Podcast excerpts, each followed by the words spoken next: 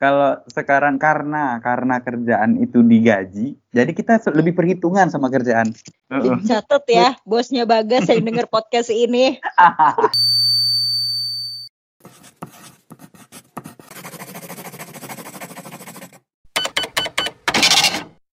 Halo Sobat Pena Berbagi, it's time to ngobrol sana sini.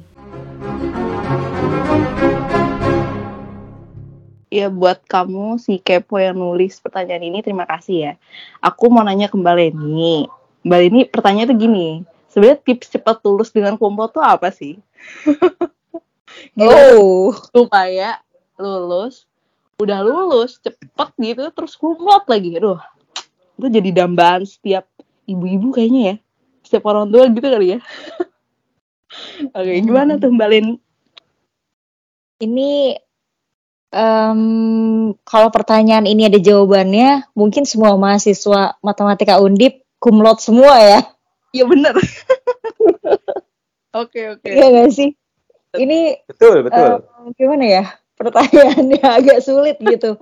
Karena balik lagi ke individunya masing-masing. Setiap Iya, orang kan iya. cara belajar, cara Mhm. belajarnya beda, Iya, iya.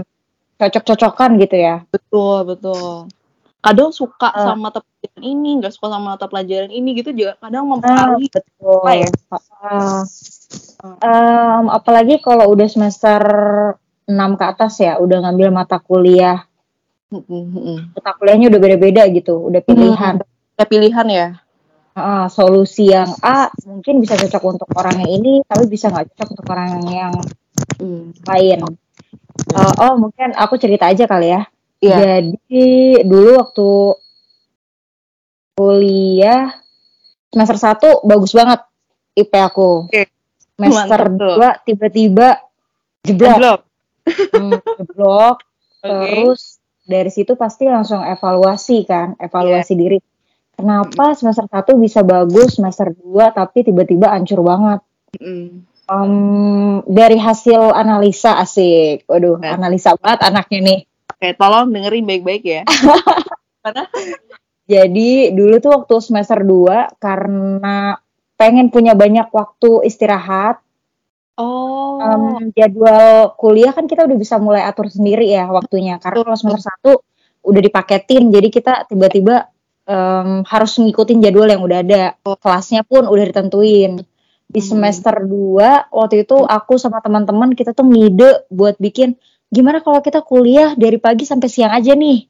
Jadi selama Hmm. seminggu em, aku bikin libur kalau nggak salah dari Jumat doang, terus kuliahnya tuh kita dari jam setengah 8 pagi sampai jam 1 siang. Satu itu siap. mm-mm, yang mana itu menggerus waktu isti waktu makan pagi dan waktu makan siang.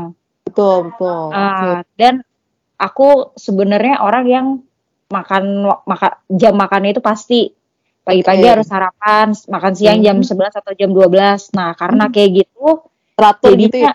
ah jadinya down karena Hmm. sering makannya terlambat terlambat Mm. jadinya udah nggak fokus tiap kali belajar pun tetap ngantuk atau lapar jadi nggak nggak konsen Oke. nah jadi buat teman-teman harus har kalau menurut aku sih harus lebih kenal diri sendiri dulu Hmm. kalian orangnya kayak gimana tipe belajarnya kayak gimana apakah yang visual yang Hmm. lebih mudah kalau mendengar atau gimana terus kalau aku sendiri Mm. Hmm, untuk beberapa mata kuliah, kalau kita merasa kurang cukup sama mate- materi yang disampaikan sama dosen, bisa banget loh kita dengerin dari YouTube.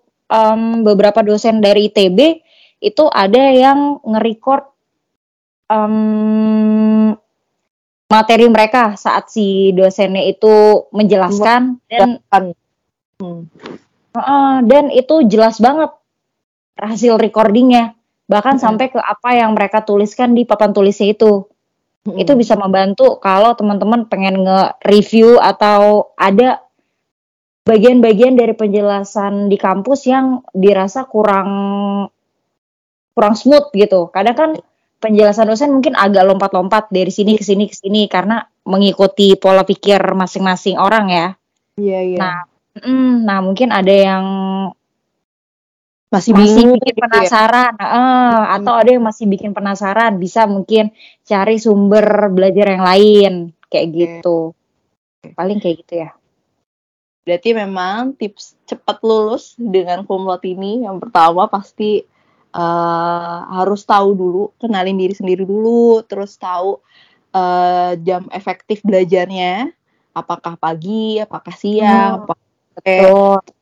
kita kalau misalkan nanti mengambil mata kuliah pilihan juga kita harus tahu kita minatnya di mana jangan sampai kita min- eh, milih mata kuliah pilihan tapi malah eh, mata kuliah pilihan itu membawa kita dengan nilai yang kurang bagus gitu jadi pilih sesuai dengan apa yang kamu suka dan apa yang kamu pengen tuju gitu. Dan kalau yang mau cepet lulus of, of course lah ya ngerjain skripsinya Harus. setiap hari.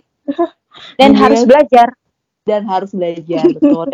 Refleksi juga ke tempat-tempat yang lain bisa nanya ke teman-teman di luar uh, Univ- Universitas Undip ataupun uh, lewat YouTube kayak gitu. Yang penting nyari referensi-referensi lain yang bisa menambah pengetahuan kita. Oke betul sekali Betul, Oh, kurang iya. lebih seperti itu. Pengen nyambung lagi. Tadi Mm-mm. yang hanya gimana caranya lulus cepat dengan em, IPK cum laude. iya iya gimana tuh Em, lulus cepat dengan IPK cum laude itu bagus, tapi itu bukan acuan untuk seseorang jadi sukses. Jadi Oh, iya untuk fresh grad yang nggak cum laude dan nggak lulus cepat, jangan berkecil hati. Yang penting punya kepribadian yang baik, tekun, Iya. terus mau belajar hal baru, mengenal Iya. minatnya, daftar Iya. di posisi yang cocok, pasti bakalan dapat kerja aman-aman. Gak perlu Iya. jadi yang gimana-gimana gitu. Gimana-gimana gitu. Mantap. Setuju Mantap, ya? benar, benar. bener bener bener jadi patokannya bukan lulus cepet kali ya lulus itu memang harus kita ya udah siap juga gitu. Apakah kita punya kios Aduh. apa nanti setelah lulus gitu jangan sampai lulus cepet tapi kita nggak punya skills gitu. Jangan sampai hal itu terjadi juga pada adik-adik pendengar podcast kita. Yang penting adalah teman-teman tahu minatnya kayak gimana teman tahu teman-teman udah punya skillsnya kayak gimana baru deh nanti mungkin eh apa nyari-nyari kerja nanti setelah udah lulus kuliah gitu kali ya Tapi betul betul kuliahnya jangan dilama-lamain juga karena belum Iya. Mau lulus dulu boleh, Ra. bayar bayar UKT-nya nih mohon maaf nggak gratis soalnya. Lulus dulu baru nyari skill boleh, Ra. Nah, ikut pelatihan, kursus kan banyak juga kan. Saya tidak menyalahkan Oh iya, baik. yang cepat ya. iya iya Garis bawah. Jadi nggak apa-apa juga kalau mau teman-teman lulus cepat nggak masalah. Yang penting teman-teman tahu udah tahu minatnya mau kayak gimana gitu kali ya. Gitu Hmm. oke. Betul. lanjut deh. Tadi ya itu pertanyaan terkait dengan skripsi. Lanjut aku mau bertanya terkait dengan hmm, tentang ini deh. Tentang organisasi. Jadi ada pertanyaan aku lupa nih dari siapa pokoknya ini pertanyaan tuh gini eh, sebenarnya gimana sih cara pas dulu eh, teman-teman organisasi gimana cara mengefektifkan publikasi itu sendiri gitu. Jadi bagaimana cara efek eh, publikasi informasi itu lebih efektif gitu ketika organisasi. Oke, aku mau yang jawab siapa ya? Hmm, Mas Rufi deh. Kalau kiranya teman-teman memang memang memang butuh buat mempub- mempublikasikan kegiatan teman-teman secara massal ya harus ada strategi dan harus tahu jam-jam khusus orang-orang tuh jadi kan karena sekarang eh, bentar, bentar.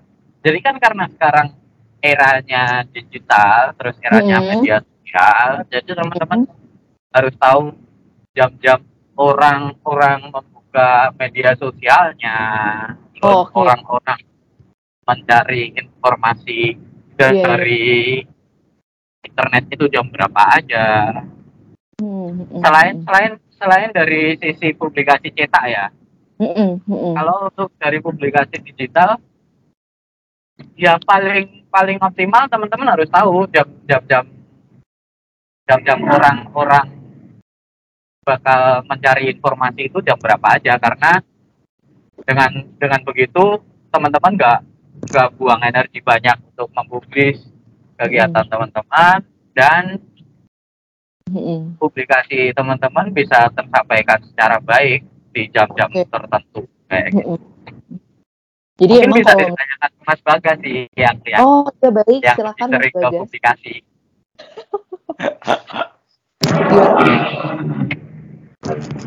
Gimana? Oh, iya iya gimana? Eh, Terkait gimana? publikasi terkait Ah. publikasi program ya? Ya, mungkin pertanyaannya mungkin lebih ke arah situ kali ya. Pokoknya publikasi Oke. suatu Mm-mm. Gimana tuh Mas. Per- Kalau dari aku ya, kita pertama itu lihat dari sasarannya dulu. kalau Ah, I dulu di, betul, kalau di- dulu di matematika itu kita yang pertama ada yang sasarannya untuk orang luar nih. Ada program besar kita yang kita bangga-banggakan di UMC namanya. Mm-mm. Nah, publikasi kita itu yang pertama kita pasti ke sekolah-sekolah. Yang kedua Oke. kita turun ke jalan buat bagian Mm-mm. brosur. Yang Mm-mm. ketiga kita dari eh, apa namanya sosial media benar. Jadi itu kebetulan dulu aku megang di bagian publikasi dan itu sosmed-sosmed UMC, sosmed-sosmed program kerja kita itu eh, informasi terkait program itu akan kita share di jam katakanlah jam prime time-nya orang-orang buka eh, sosial media benar seperti kata Mas Rufi tadi. Terus kita lewat radio Oke, juga ada. Jadi- benar. Kita lewat radio juga ada, ataupun lewat eh, sosial media sosial media kita. Terus ya. ya. Ya betul. Terus kalau misalnya emang tuh apa sasaran kita itu adalah mahasiswa aktif mau Hmm. dari dalam matematika atau dari dalam undip ataupun luar kampus, yang pasti kita kembali lagi ke perbanyak relasi. Kalau dulu Mm-mm. itu Oke. sistemku biar narik biar narik minat dari mahasiswa lain dan biar mencapai target juga ya, ya nggak munafik juga ya kita kan ingin Ya, mencapai target target peserta kan. Nah itu minta ke jurusan lain ini kita ada program ini eh, mohon Hmm. didelegasikan untuk pesertanya nanti ketika kalian ada program serupa kita akan delegasi juga seperti itu Oke, kurang lebih oke, seperti itu ya Jadi memang nyebarin informasi itu bisa ada dua cara, mungkin bisa offline, bisa online, bisa lewat relasi juga. Eh kalau lewat online ya kita harus tahu dulu media sosial yang mau kita pakai apa, jam-jam yang sering. Kira-kiranya banyak eh, orang aktivitas di media sosial tuh kapan. Kalau offline mungkin kita ngelihat kali ya lokasi-lokasi tertentu yang kira-kiranya jadi target kita gitu. Yang penting bener sih kata Mas Bagas juga tadi yang penting kita tahu target atau sasaran kita tuh siapa aja gitu. Jadi itu memudahkan kita untuk menyebarkan informasi itu. Betul ya? Oke. Lanjut. Eh, terus ada pertanyaan. Oh, tadi pertanyaan dari Anonymous. Ya, say hi buat kamu yang Anonymous. Lanjut dia pertanyaan selanjutnya dari dari siapa ya? Oh ini aja deh dari Anonymous juga kalau nggak salah. Dia tuh nanya tentang gimana cara mengefektifkan penggalangan dana untuk acara. Dia nanya gitu. Atau eh, menggalangkan dana untuk kegiatan kecil yang mungkin nggak banyak mengundang pihak eksternal. Aku mau jawab deh. Eh aku mau jawab. Aku mau nanya ke Isna ini, Mbak Isna. Gimana Mbak Isna? Gimana sih cara ngumpulin penggalangan dana gitu? Untuk kegiatan yang kecil mungkin yang nggak banyak mengundang pihak eksternal. Oke, kalau penggalangan dana ya, hmm, gimana ya? itu sebenarnya semua eh, tergantung dari tujuan kita apa sih galangin dana itu. Kita paparin dengan jelas di bagian itu. Jadi karena kan kita kalau galangan galang dana kan kayak kesannya orang bisa wah buat apa nih? gitu kan. Ngapain Mm-mm. anda minta dana ke kami? gitu kan. Mm. ya harus jelas. Memang harus jelas harus terbuka harus transparan dan memang harus jujur seperti itu sih. Intinya tujuannya tuh benar harus di eh, tagline banget lah pokoknya. Kita paparin. Kemudian kalau efektifnya sih ya lebih lebih baik kita memang personal chat sih.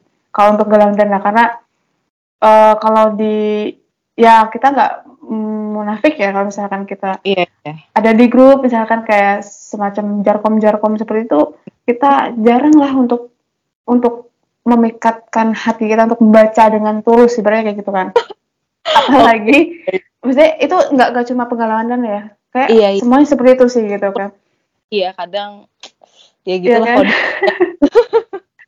Ke- ya memang kadang kita udah terlalu pusing gitu kan. Jadi kayak hal-hal yang hal-hal yang penting misalkan dengan jargon-jargon itu tuh kadang kita eh, sedikit sedikit aku acuh gitu kan. Nah, makanya personal chat itu penting buat buat kita bisa mendapatkan notice eh, dari setiap orang kayak gitu. Walaupun kita cuma di read yang penting di read mereka udah baca. Gitu aja sih kalau aku. Eh, terus tujuannya tadi harus dipaparkan dengan jelas dan kita harus eh, apa ya berani deh ambil resiko untuk menjawab semua pertanyaan yang kiranya bakalan bakalan muncul gitu kan. Dan memang harus kita udah siap dengan itu dan dengan jawaban yang memang memang kita udah udah udah paham betul lah dengan tujuan itu. Makanya kita nggak akan eh, bingung. Dan kalau misalkan kita bingung lalu ibaratnya gini lo eh, menggalang dana buat apa aja kalau nggak paham gitu kan? Makanya harus harus kita harus pahami dulu sih. Itu sih dan kalau efektifnya ya personal chat sih karena itu penggalangan dana biasanya lebih lebih lebih sensitif juga sih. Jadi ya intinya kalau kita mau menggalangkan dana tuh pasti kita harus tahu dulu lah kegiatan itu apa, tujuannya itu apa supaya orang yang mungkin eh apa ya kayak menyumbangkan dananya itu bisa dengan ikhlas dan tahu Mm-mm. kira-kira itu akan digunakan untuk apa kayak gitu ya. betul betul Oke oke lanjut deh pertanyaan selanjutnya.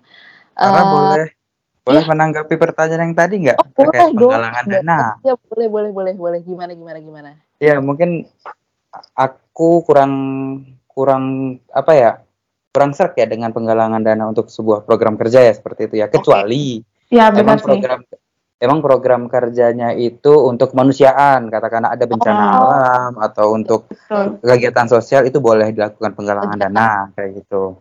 Terus kalau misalnya emang untuk program program kerja dari organisasi atau masing-masing Mhm. mahasiswa, kita lihat lagi deh, kita flashback li- apa namanya? Lihat lagi tujuan kita kuliah itu apa sih? Yang pertama pasti untuk akademik, untuk buat Oke. dapat gelar esmat ataupun sarjana Betul. seperti itu. Dan yang kedua kita secara nggak langsung ingin mengasah hard skill dan soft skill kita. Nah, Betul. salah satunya ketika kita melakukan apa kita melakukan sebuah program kerja, kita ingin melaksanakan program kerja, kita membutuhkan dana dong. Nah, Betul. di situlah uh, skill entrepreneur kita diasah bagaimana Mantap. kita mencari biaya untuk menambah pundi-pundi keuangan di program Mantap. tersebut. Bisalah dilakukan uh, kalau dulu itu istilahnya danusan. Oh Kalau iya istilah iya. kerennya jualan gitu ya. mau Kalau jualan dulu barang boleh, mau jualan jasa boleh. Mungkin penggalangan dana untuk program itu pilihan terakhir ya, sangat terakhir dan kalau bisa nggak ada. Iya iya. Tergantung juga pokoknya kegiatannya seperti apa dan kalau bisa diusahakan dengan mungkin jualan dan urusan kayak gitu ya itu bisa Iya. banget dilakukan ya gitu. Dan satu lagi mungkin Hmm? biar sekalian publikasi juga kita minta sponsorship, Oh sponsoran kayak gitu. oke oke oke oke. Iya sih biasanya memang kalau di setiap acara gitu kadang suka ada em, seksi sponsor gitu kali ya. Dan biasanya kita nyari sponsor untuk eh, kira-kiranya mensponsori acara atau kegiatan kita. Itu penting banget juga sih. Oke, benar-benar oke setuju sekali dengan jawabannya Mas Bagas dan Mbak Isna. Oke, lanjut deh ke pertanyaan selanjutnya. Ini ada aku mau eh, nanti eh, mau ini mau nyelesain tentang perkuliahannya dulu. Tentang selanjutnya ada tentang entrepreneur. Ini ada eh pertanyaan dari siapa ya? Ini ya, bentar-bentar deh aku lihat dulu. Dia tuh nanya tentang oh ini nih nih sharing eh, dari Salsabila juga ini Salsabila aktif banget makasih ya buat Salsabila yang ngedengerin ini. Eh, dia nanya tentang eh eh, bukan nanya sih, jadi minta buat sharing-sharing tentang entrepreneur aja gitu di matematika. Mungkin aku minta jawaban dari siapa ya? Ada yang mau mau mengajukan diri untuk menjawab pertanyaan ini? sharing tentang entrepreneur mungkin dari siapa ya? Baleni atau Mas Rufi, Mas Bagas boleh, Mbak Isna juga boleh. Siapa yang Kayaknya mau? Siapa tuh? Ruf, Rufi Kayaknya atau apa? Isna lebih punya kapasitas buat jawab deh. Oke, siap. Oke. Betul, betul. Oke, ya dari Mbak Isna dulu deh. Sharing tentang entrepreneur gimana?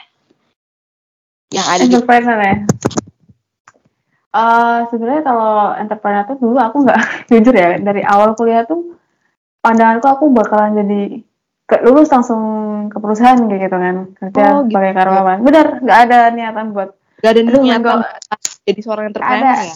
minat tuh eh, nggak ada deh dulu nggak tahu kenapa Heeh. karena aku tadi bilang di awal kalau skill aku salah satunya adalah dengan ikut lomba-lomba Mm-mm, mm-mm. Nah, oke. dari situ kebanyakan dari beberapa lomba yang aku ikutin kayak riset eh, kemudian ada entrepreneur gitu kan ada wirausaha kebanyakan yang lolos itu tuh bagian yang temanya kewirausahaan gitu Oh, jadi kayak mau nggak mau kayak mindsetku kepen, ke kebentuk kayak gitu ibaratnya kayak gitu kan oke. Eh, terus akhirnya kayak jadi minat minatnya tumbuh terus kayak Hmm. jalan di situ ada aja kayaknya gitu makanya makin makin ngarah ke situ gitu Far Oke. waktu lulus kuliah juga kan dapat modal juga dari pemerintah ya awalnya dari itu lomba-lomba seperti itu dapat modal bikin bisnis gitu Ya. gimana yang ikut MPKM itu kan ya? Ya, ya awalnya dari PKM uh, hmm. program kewirausahaan ma- uh, mahas- Oh, iya, mahasiswa uh. mahasiswa. terus oke. ada banyak sih sebenarnya yang kayak gitu juga. Pokoknya kayak aku tuh dulu mikirnya gini Far. Pokoknya aku mau belajar public speaking juga gitu kan. Aku belajar mentalnya juga belajar eh, berpikir apa ya kalau di wirausaha ya jujur itu benar-benar kayak pikiran kita kayak dituntut untuk terus berpikir kayak dari sini sana sini kendala tuh kayak ada aja tapi kita harus menyelesaikan itu gitu. Makanya dari beberapa hal perlombaan itu kebentuk minat wirausahaan Mm. dapat modal juga ya udah jalanin wirausahaan itu sih dari dari, dari mulanya aku yang nggak punya minat yang ke situ ya kalau untuk kewirausahaan memang aku bilang kalau misalkan teman-teman nanti ada adik yang mau ke arah situ Hmm. itu bukan bukan suatu hal yang bisa dicapai dengan sistem kebut semalam sih Oh, mantap. ya Ya, jujur oke. Jujur Li, kalau aku bilang itu butuh range sekitar 3 sampai lima tahun tuh makanya kalau memang benar-benar dari awal teman-teman masuk kuliah tuh ada tuh minatan untuk wirausaha ya udah mulai aja gitu. Mulai aja dari semasa kuliah dibangun gitu skill itu. Mm-mm. wawasannya dan segala macamnya. Kalau bisa fokus fokus ke satu uh, produk atau suatu hal lah yang teman-teman minati untuk jadi wirausaha uh, kalian nantinya kayak gitu usaha kalian itu sih Berarti memang Mbak Isna tuh ikut PKM, penelitian-penelitian, lomba-lomba yang memang eh, arahnya tuh ke arah entrepreneur gitu dan ternyata menemukan jalannya ke arah situ dan ternyata rezekinya juga ada dari situ juga kali ya. Jadi Iya, PKM memang jadi salah satu yang apa ya kayak pembuka ya ah, pembuka jalan buat teman-teman mahasiswa yang emang mau belajar untuk menjadi seorang entrepreneur gitu kali ya. Karena kan di situ banyak tuh tentang eh, kegiatan-kegiatan eh, kreativitas gitu ya yang kemudian memperjualbelikan kepada orang banyak dari PKM itu gitu. Bener kan ya Mbak Isna ya? betul betul banget Pak. Jadi emang kalau buat teman-teman matematika yang lagi mungkin ngedengerin podcast ini dan lagi pengen arahnya buat aku pengen jadi entrepreneur gitu. Tidak seinstan itu teman-teman untuk membuka suatu usaha. Jadi butuh bukan ingat ya catat ya kata Mbak Isna bukan eh, kebut malam gitu ya. Tapi memang em- impact-nya atau melihat usahanya itu kurang lebih di sekitar 3 sampai 5 tahun. Jadi jangan deh kalau langsung satu tahun terus ngelihat usahanya mulai loyo terus langsung nggak aktif Doang lagi. gitu ah, jangan ah, benar Nah, jangan sampai langsung tergiur untuk menutup usaha itu gitu ya.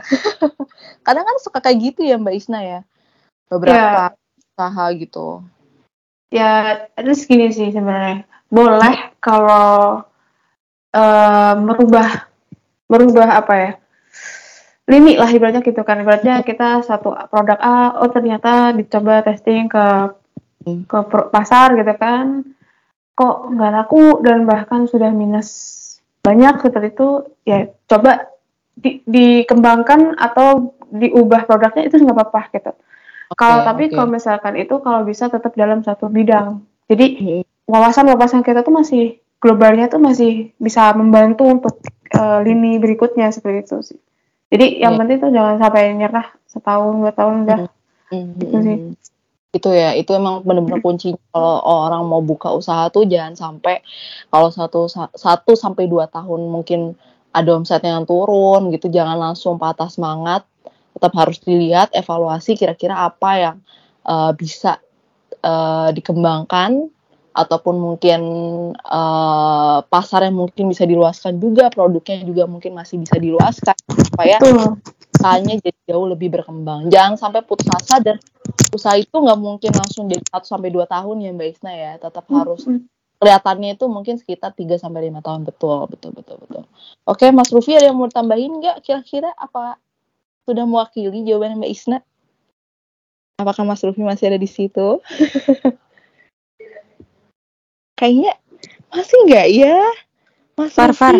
Iya ya. Sambil nunggu Rufi, aku kepikiran nih motivasi buat teman-teman berwirausaha. Oh iya iya gimana gimana gimana? terutama terutama Heeh. buat em, adik-adik yang suka Iya. nonton Korea nih. Oh baik betul. Gimana? Heeh. Opa-opa Korea jadi lebih mudah digap- digapai kalau misalnya wirausaha kita berhasil. Contohnya, cepet dia bisa Oh. ngedatengin Song Joong Ki, bisa ketemu langsung. bener bener bener bener. Emang ya. Jadi buat teman-teman yang usaha-usaha gitu terus kemudian bisnisnya tuh jadi lebih luas terus akhirnya bisa kayak artis Korea tuh lagi pada eh, jadi brand ambassador gitu kan ya Iya Bener. bener. Jadi Oke. mudah digapai opa-opa Iya. Korea kita. Bang Jongki bukan korup ya? oh bukan bohong Itu Yang Kim Jong? Un. Astagfirullahaladzim, sorry. mohon maaf ini kayaknya ada, ada kata namanya hampir mirip-mirip jadi mungkin Mas Bagas salah memandang orang ini kali ya mbak ini ya Kayaknya semua nama Korea kamu bilang korut deh. iya benar oke. Oke gitu ya. Oke yang penting bisnisnya itu intinya kalau bisnis itu jangan sampai loyo lah ya satu sampai dua tahun. Kalau misalnya masih ada yang perlu ditingkatkan lagi diluas lagi pasarnya silakan diluaskan gitu. Oke lanjut deh kita. Em, ini ini ini udah mulai masuk ke pertanyaan yang mungkin setiap hari selalu meresahkan gitu ya tentang pekerjaan. Jadi ada yang nanya dari anonimus, eh dia nanya gini, anak matematika itu ada nggak sih yang berkecimpung di dunia PNS atau pemerintahan? Setahu aku tuh ada, bener nggak sih? Angkatan 2015 tuh kalau nggak salah ada deh, bener kan? Yang kerja atau eh, berkecimpung di dunia PNS. Bener nggak teman-teman? Bener kok, bener kok. Ada kan? Ada kan ya? Ada. Bener. ya? Mas Gani sama Mas Solihin sama Mm-mm. sama ada teman kita di Lampung. Oke, oke. Iya. Iya, Iya. iya. Oke, nah itu jadi ada, jawabannya ada, ada anak matematika yang memang berkecimpung di dunia PNS atau memang di dunia pemerintahan. Jadi jangan takut kalau buat teman-teman eh, pod- pendengar podcast kita ini pengen ke terjun ke dunia kayak gitu bisa kok. Terus lanjut ada pertanyaan lagi ini dari Salsabila. Pertanyaannya gini. Tapi kayak bikin pusing gitu. Pertanya bukan pertanyaan sih, cuman dia bilang gini, dunia kerja versus dunia kuliah atau organisasi. Perbedaannya gimana? Waduh. Berat ya kayaknya ya. Iya nggak sih Eh, dari Mas Bagas? Dunia kerja gimana Mas Bagas? Apakah berbeda jauh dengan dunia kuliah dan organisasi yang sudah selama ini kita jalanin? Eh, berbeda jauh sih enggak, tapi beda, beda aja sih, enggak beda jauh. Yang membuat Oke. beda itu kalau dari aku ya, kalau dulu waktu kuliah, sejujurnya setiap hari pasti ada tekanan tentang tugas. Oke, Jadi aduh baik. besok ada tugas, besok ada tugas. Nah kalau kerja beda nih. Kalau ada Uh-uh. kalau kerja, ah di kerjaan besok ah pasti kantor kayak gitu Oh. enaknya kayak gitu. Oh, betul. Enaknya gitu. Oke. Betul. Tapi tapi tetap lah dikejar-kejar sama bos ya. Kalau nggak sesuai sama Pasti deadline. kalau di kalau dikejar sama bos mah bukan tugas ya itu ya. Keharusan ya itu ya. Keharusan Iya, harus yes. selesai. Aku tahu gas bedanya gas. Kalau dulu pas kuliah tugasnya itu dapetnya dari dosen. Kita baik. sementara organisasi kerjanya bareng sama teman-teman mahasiswa. Kalau Hmm. sekarang teman kerja sama yang ngasih tugas sama. Iya kan? Baik, bener bener bener bener bener bener. Oke. Coba ya, kalau kalau dunia kerja tuh kayak gitu ya Mbak Lady ya. Pokoknya teman Iya, teman-teman gitu. semua harus coba dah.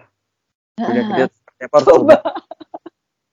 Emang kayaknya sih iya sih, iya iya iya. iya. Dunia kerja itu pasti akan berbeda dengan dunia kuliah, tapi hmm, tekanannya lebih tinggi kan, lebih tinggi kan, bener kan?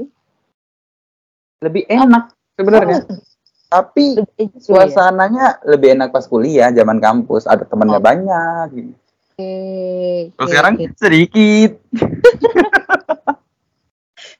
sekarang temennya sedikit gitu ya terus banyak mungkin ada beberapa eh, tekanan deadline gitu-gitu kali terus tapi kan sekarang eh, kita kerja tapi kita kan dibayar bener kan? Ada hal yang kita dapatkan gitu dari apa yang sudah kita kerjakan bener kan? Itu kan sisi sisi baiknya nggak sih? Iya kan? Ah, betul. kalau mungkin kalau dulu kuliah kita kadang suka males-malesan ngerjain proker gitu tapi nggak dibayar gitu padahal dalam hatinya kadang suka gondok itu nggak sih? Apa gimana? Ada yang Eh. mau menyampaikan sesuatu Nah, masalah keuangan Bagas jago tuh. nah Kata Apa Bagas, tuh? kata Bagas ya waktu itu, guys. Ya, waktu itu, guys. Dulu Yang kalau di kampus, dulu waktu di kampus kan duitnya dapet. Duitnya dapet, bukan hasil sendiri ya, guys. Jadi bisa dipakai buat apa-apa. Ya, Kalau betul. sekarang duit dapat sendiri. Dulu kan dapat transferan. Jadi, oh ya udahlah mau beli ini gak usah mikir. Kalau sekarang, aduh susah banget nyari uang nak simpen, simpen, simpen. oh, oh gitu oke oke Sama kalau kalau sekarang karena karena kerjaan itu digaji, jadi kita lebih perhitungan sama kerjaan. Kalau dulu Oh. itu di organisasi karena nggak digaji, yang penting apa programku jalan, yang penting programku jalan selesai udah. oke oke Heeh. Catet ya, bosnya Bagas yang denger podcast ini. harus lebih bet, harus lebih gede ya gaji gua habis ini ya. mari kita sebarkan podcast ini secara Boleh. luas sampai dengan bosnya bagas Oke, gitu ya. Dunia kuliah memang dunia kuliah atau organisasi itu pasti beda dengan dunia kerja. Eh, plus minusnya pasti ada. Oh, Mungkin dunia kuliah kita mungkin bisa bebas gitu kali ya. Nggak ada tekanan terkait dengan apa yang sudah kita dapatkan, aka gaji gitu. Kalau sekarang kalau dunia kerja kan kita harus bertanggung jawab atas gaji yang sudah kita dapat ya. Betul kali ya gitu. Jadi mau nggak mau ya kita harus mengerjakan tugas itu, kerjaan itu sampai dengan selesai gitu. Terus kalau hmm, apa lagi ya? Perbedaannya apa lagi?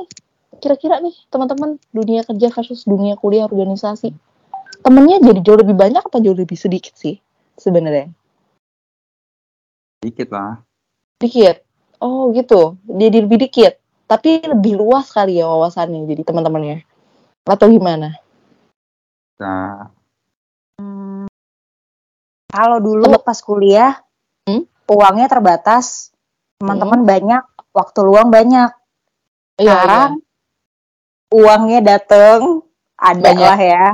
Ada Nggak lah. banyak, nggak banyak, ada, ada ya teman-teman ada, ada. tapi waktunya nggak ada. Oke, iya. Betul. Temennya juga ya itu itu lagi, itu itu lagi palingan.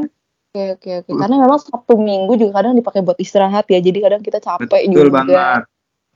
eh, nongkrong-nongkrong gitu. Jadi ya hmm, gitulah ya emang semakin eh, mungkin luas eh, teman-temannya mungkin jadi ya sedikit tapi berkualitas kadang ya. Mungkin bilangnya gitu kali ya kawan Ah, teman kuliah juga berkualitas kok, Rah. Oh. Jangan salah. Teman-teman kuliahmu berkualitas kok. Justru yang sedikit itu sedikit teman kuliah, guys. temen teman-teman kerja ada yang lumayan banyak, ada yang mungkin terbatas kali ya, mungkin nggak sebanyak kayak dulu teman kuliah. Tapi yang pasti kan teman-teman kuliah juga kadang masih suka komunikasi kan sampai sampai sekarang udah kerja gitu. Jadi ya pasti masih berkomunikasi, nambah temen juga kalau dunia kerja, pengetahuannya juga semakin nambah, wawasannya juga semakin luas mm, bicara-bicara tentang terkait apa pun juga mungkin jadi jauh lebih ngambung gitu lah ya terkait dengan kerjaan gitu betul kan ya Ya, terus kurang lebih seperti itu. oke Mm, betul. Lanjut ke Apa gimana gimana? Gimana? eh bentar. Tapi dari Bagas sama Isna pas sekarang udah kerja nih, udah rutinitas kerja, apa sih yang paling diseselin pas kuliah? Kira-kira apa ya yang disalin sama Kak Leni, Kak Bagas sama Kak Isna selama kuliah? Hmm, jawabannya ada di part berikutnya. So, stay tune terus di podcastnya Pena Berbagi ya. Jangan lupa support dan follow kita di @pena_berbagi. See you di podcast selanjutnya. Tetap jaga kesehatan dan jangan lupa catat jejak kebaikan bersama Pena Berbagi. Bye-bye!